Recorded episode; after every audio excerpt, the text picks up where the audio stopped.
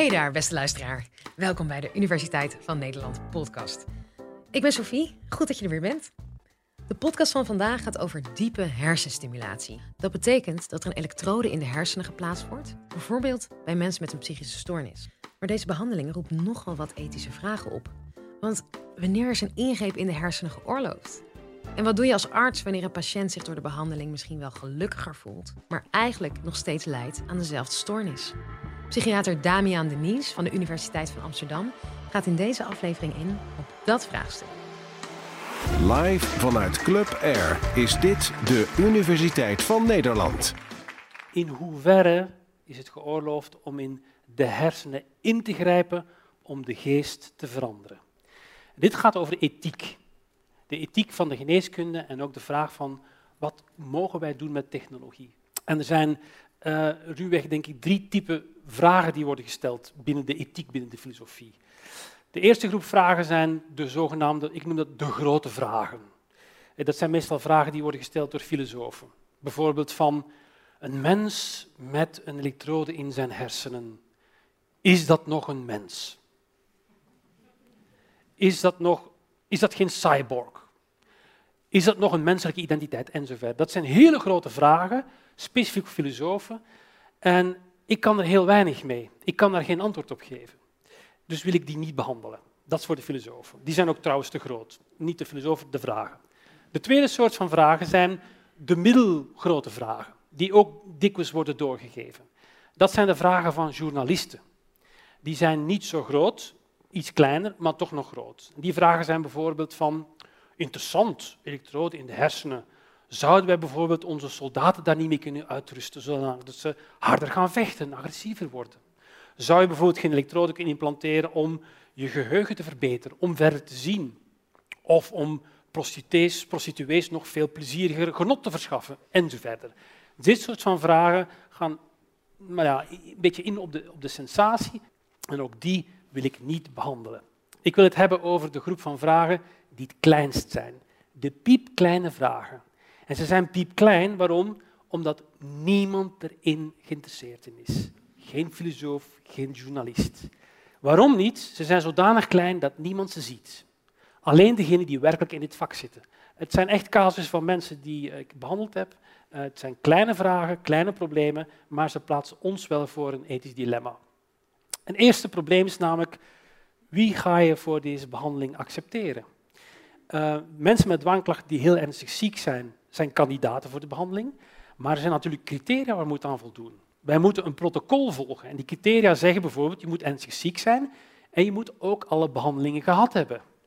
Um, wat gebeurt er nu als iemand bij je komt waarvan je denkt van die persoon is zeer ernstig ziek, maar die criteria zijn niet vervuld? Met andere woorden, ik vind dat zo'n persoon nog dat of dit moet gehad hebben, anders kan je daar niet voor in aanmerking komen. En hier zie je een soort van conflict tussen een protocol volgen, dat zegt je moet dit doen, anders mag je niet in de studie deelnemen, en aan de andere kant het lijden van een patiënt, die zegt van ja, het zal wel dat protocol, ik ben ziek, ik wil geholpen worden. Dat contrast kan heel scherp zijn en ik maak altijd fouten. Als ik het protocol volg, dan veronachtzaam ik het lijden van de patiënt.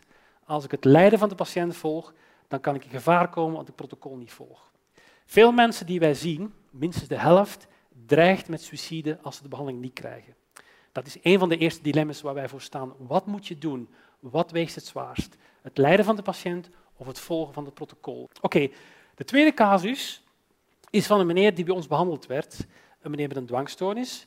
En die meneer was echt letterlijk geïnteresseerd in zekerheid. Die wou altijd zeker zijn over dingen. Over alles. En dat klinkt misschien raar, maar dat gaat als volgt. Die meneer had heel veel encyclopedieën, boeken, om alles wat hij over nadacht, wou hij zeker zijn. Bijvoorbeeld als hij met zijn auto in een dorp kwam in Nederland en die zag een naam staan op het dorp, dan dacht hij van, waar komt die naam toch vandaan? Dat moet ik gaan opzoeken. En welke burgemeester woont hier? Hoeveel loodgevers wonen hier? Hoeveel huizen staan er hier? Wat zijn enzovoort enzovoort. Elke keer moest hij vragen stellen van wat is het? Hoe ben ik zeker van de kennis die ik verkrijg? Het klinkt, het klinkt zeer abstract, maar die man was daar 20, 30 jaar door begeesterd. En je kan je voorstellen dat zo iemand heel actief wordt. Overal, alles wat hij zag, een deurklink, dacht hij van, hè? Welke firma heeft die deurklik geïmporteerd? Even nakijken. Had hij boeken liggen en kijken en actief en overal dingen zoeken. Dat was zijn dwangstoornis. Die man hebben we behandeld en dat ging heel goed. Die interesse in zekerheid die nam af en ook de drive, de zin om dingen op te zoeken. Hij ging niet meer overal naar die dorpen gaan kijken wie de burgemeester was, had geen grote encyclopedieën meer. En die man zei, oh, eindelijk na 30 jaar, ik voel me rustig. Ik herken mijzelf als persoon. Ik ben eigenlijk een beetje een rustige, zelfs wat sombere man, zoals mijn vader ook. Zo voel ik mij goed. Maar die man was getrouwd. En die vrouw die zei, ja, dat is allemaal goed en wel, maar ik herken mijn man niet meer. Ik ben 30 jaar getrouwd geweest bij een heel actieve man. En nu heb je wel zijn klachten doen wegnemen, maar ik zit met een wat sombere, rustige man. Dat klinkt misschien een detail, maar deze mevrouw die heeft aangedrongen op een echtscheiding. Uiteindelijk is het niet van gekomen, maar het toont aan, en hier zie je dus weer de contrast tussen wat betekent goed doen. In dit geval doen we iets goed voor een persoon, maar het goed doen is niet altijd goed doen voor de omgeving. Deze mevrouw, de echtgenote, die leed onder het feit dat haar man veranderd was als persoon, omdat de klachten waren afgenomen. Oké, een derde casus uh, toont je hoe belangrijk het is om na te gaan wat een natuurlijk zelf is. Met deze behandeling, die snel klachten kan doen afnemen, en sommige mensen zijn heel ernstig ziek, kan je ook inderdaad de persoon veranderen. Niet de persoonlijkheid, maar de persoon. En dit is een casus van een meneer met een ernstige depressie, want diepe wordt ook toegepast voor mensen met zeer ernstige depressies. Deze meneer was een beetje excentriek, zo'n soort van kunstenaarstype, maar al heel lang depressief, jaren, en hij was niet actief, hij deed niet meer aan kunst. Natuurlijk een ernstige depressie, niks hielp, dus we werden behandeld met diepe hersenstimulatie, elektroden, en we zagen ook een goed effect. Die man zei, fantastisch, ik hoorde dingen anders, ik kan terug van muziek genieten. Maar hij werd terug een beetje excentriek. Een beetje zoals hij was voor die depressie kreeg. En zelfs een beetje zo verlies van normen en waarden. Hij was een kunstenaar en dat zijn natuurlijk sowieso al aparte types. Dus die begon een beetje dingen te doen van af en toe iets weghalen in een huis, inbreken om iets te stelen, om een kunstwerk te maken enzovoort. Dus die begon te veranderen ook van persoon. Niet te veranderen zoals hij nooit was geweest, maar te veranderen zoals hij ooit was geweest. Een excentriek persoon die geen rekening houdt met de wet.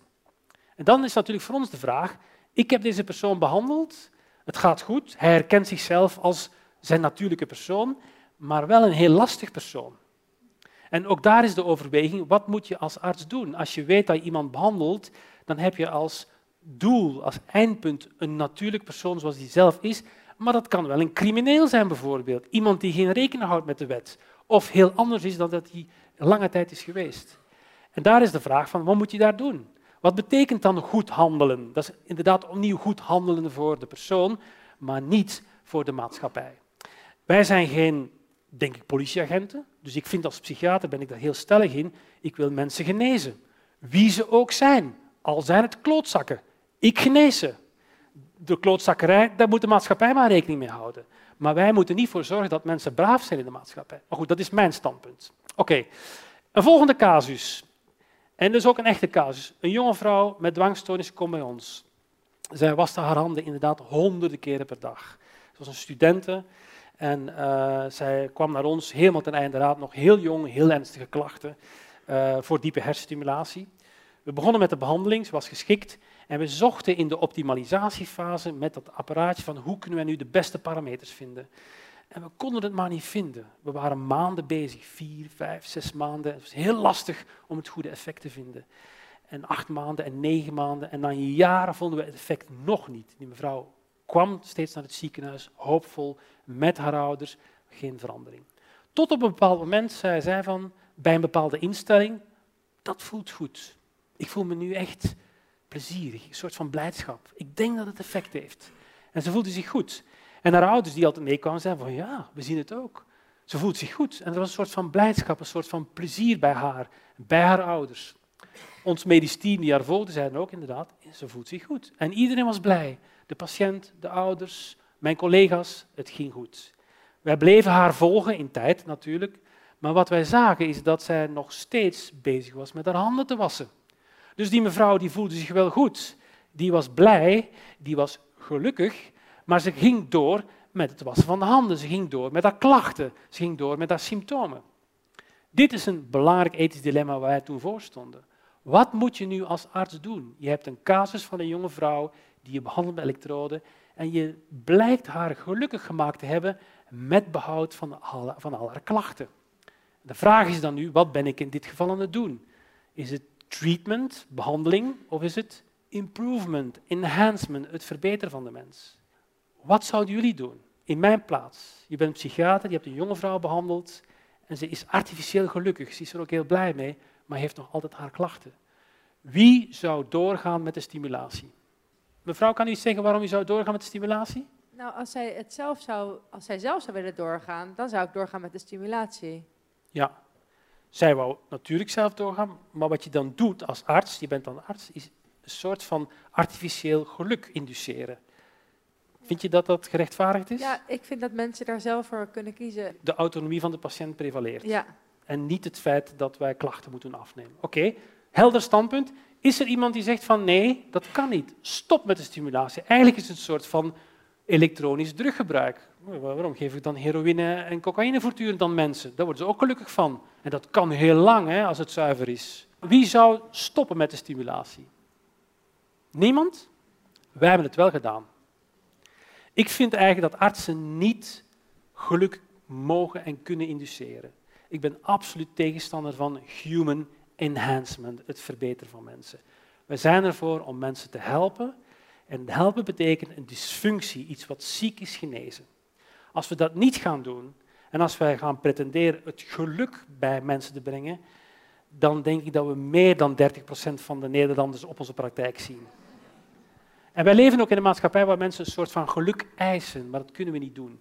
Wat wij in deze casus gedaan hebben, is, we zijn dus gestopt met de stimulatie. Het was een enorm gevecht met de familie en met de patiënten. En we hebben gezegd van, kijk, we gaan verder. We gaan verder zoeken. En gelukkig, gelukkig hebben we uiteindelijk een instelling gevonden, na maanden weer al, maar het was wel een hel voor deze mevrouw, waarbij de klachten wel afnamen. En de symptomen namen af, de compulsies, de obsessies. Dus ze verbeterde zonder het artificiële geluk. En ik zeg gelukkig, want als het niet zo was geweest, dan hadden we iets anders moeten doen. Ik hoop dat je er weer wat van hebt opgestoken. Abonneer je vooral op ons kanaal, want daar verschijnen iedere week twee nieuwe afleveringen. Mijn naam is Sophie Frankmolen en heel graag tot de volgende.